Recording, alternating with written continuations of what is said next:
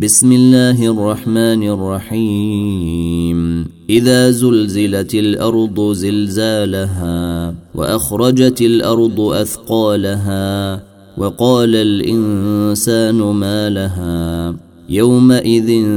تحدث اخبارها بان ربك اوحي لها يومئذ يصدر الناس اشتاتا ليروا اعمالهم فمن يعمل مثقال ذرة خيرا يره ومن يعمل مثقال ذرة شرا يره